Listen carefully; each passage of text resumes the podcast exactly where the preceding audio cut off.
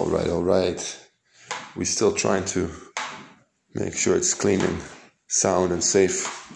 So we're having one of those uh, mop moments.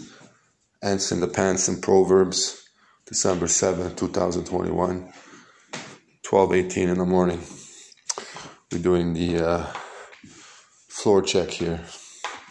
Other than that, we're saying, wow, it's really developed with hardwood floor. What did they have back then? An ark. So lots of stuff has developed over the ages. We see the development of kids and education today. We're saying immigrants coming all over, and we're saying we're accepting them. Why? But what reason? What background? First name, last name? Oh, really? That's it? Unbelievable. Did they finish grade out, grade 12? No. Did they finish grade kindergarten? Probably not. So what are we doing? That's great. What are we doing? That's great for the quality of life, being the number one country in the world. Huh? What are we doing? What are we doing? It's one of those Roma Ortho Theaters moments, orator moments. What are we doing? That's right. So, cut to the chase, you know.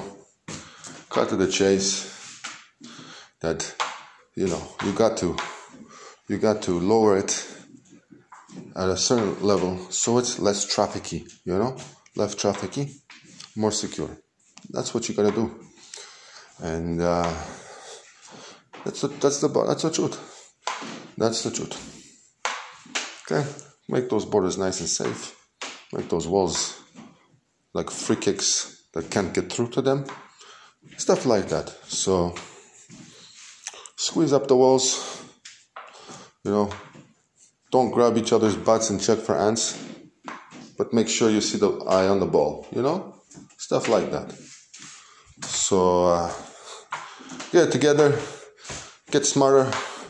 Like I said, what's the purpose of education when you can't when you can't sustain it? And you have the resources to do it for a certain amount of time. Just a certain amount of time.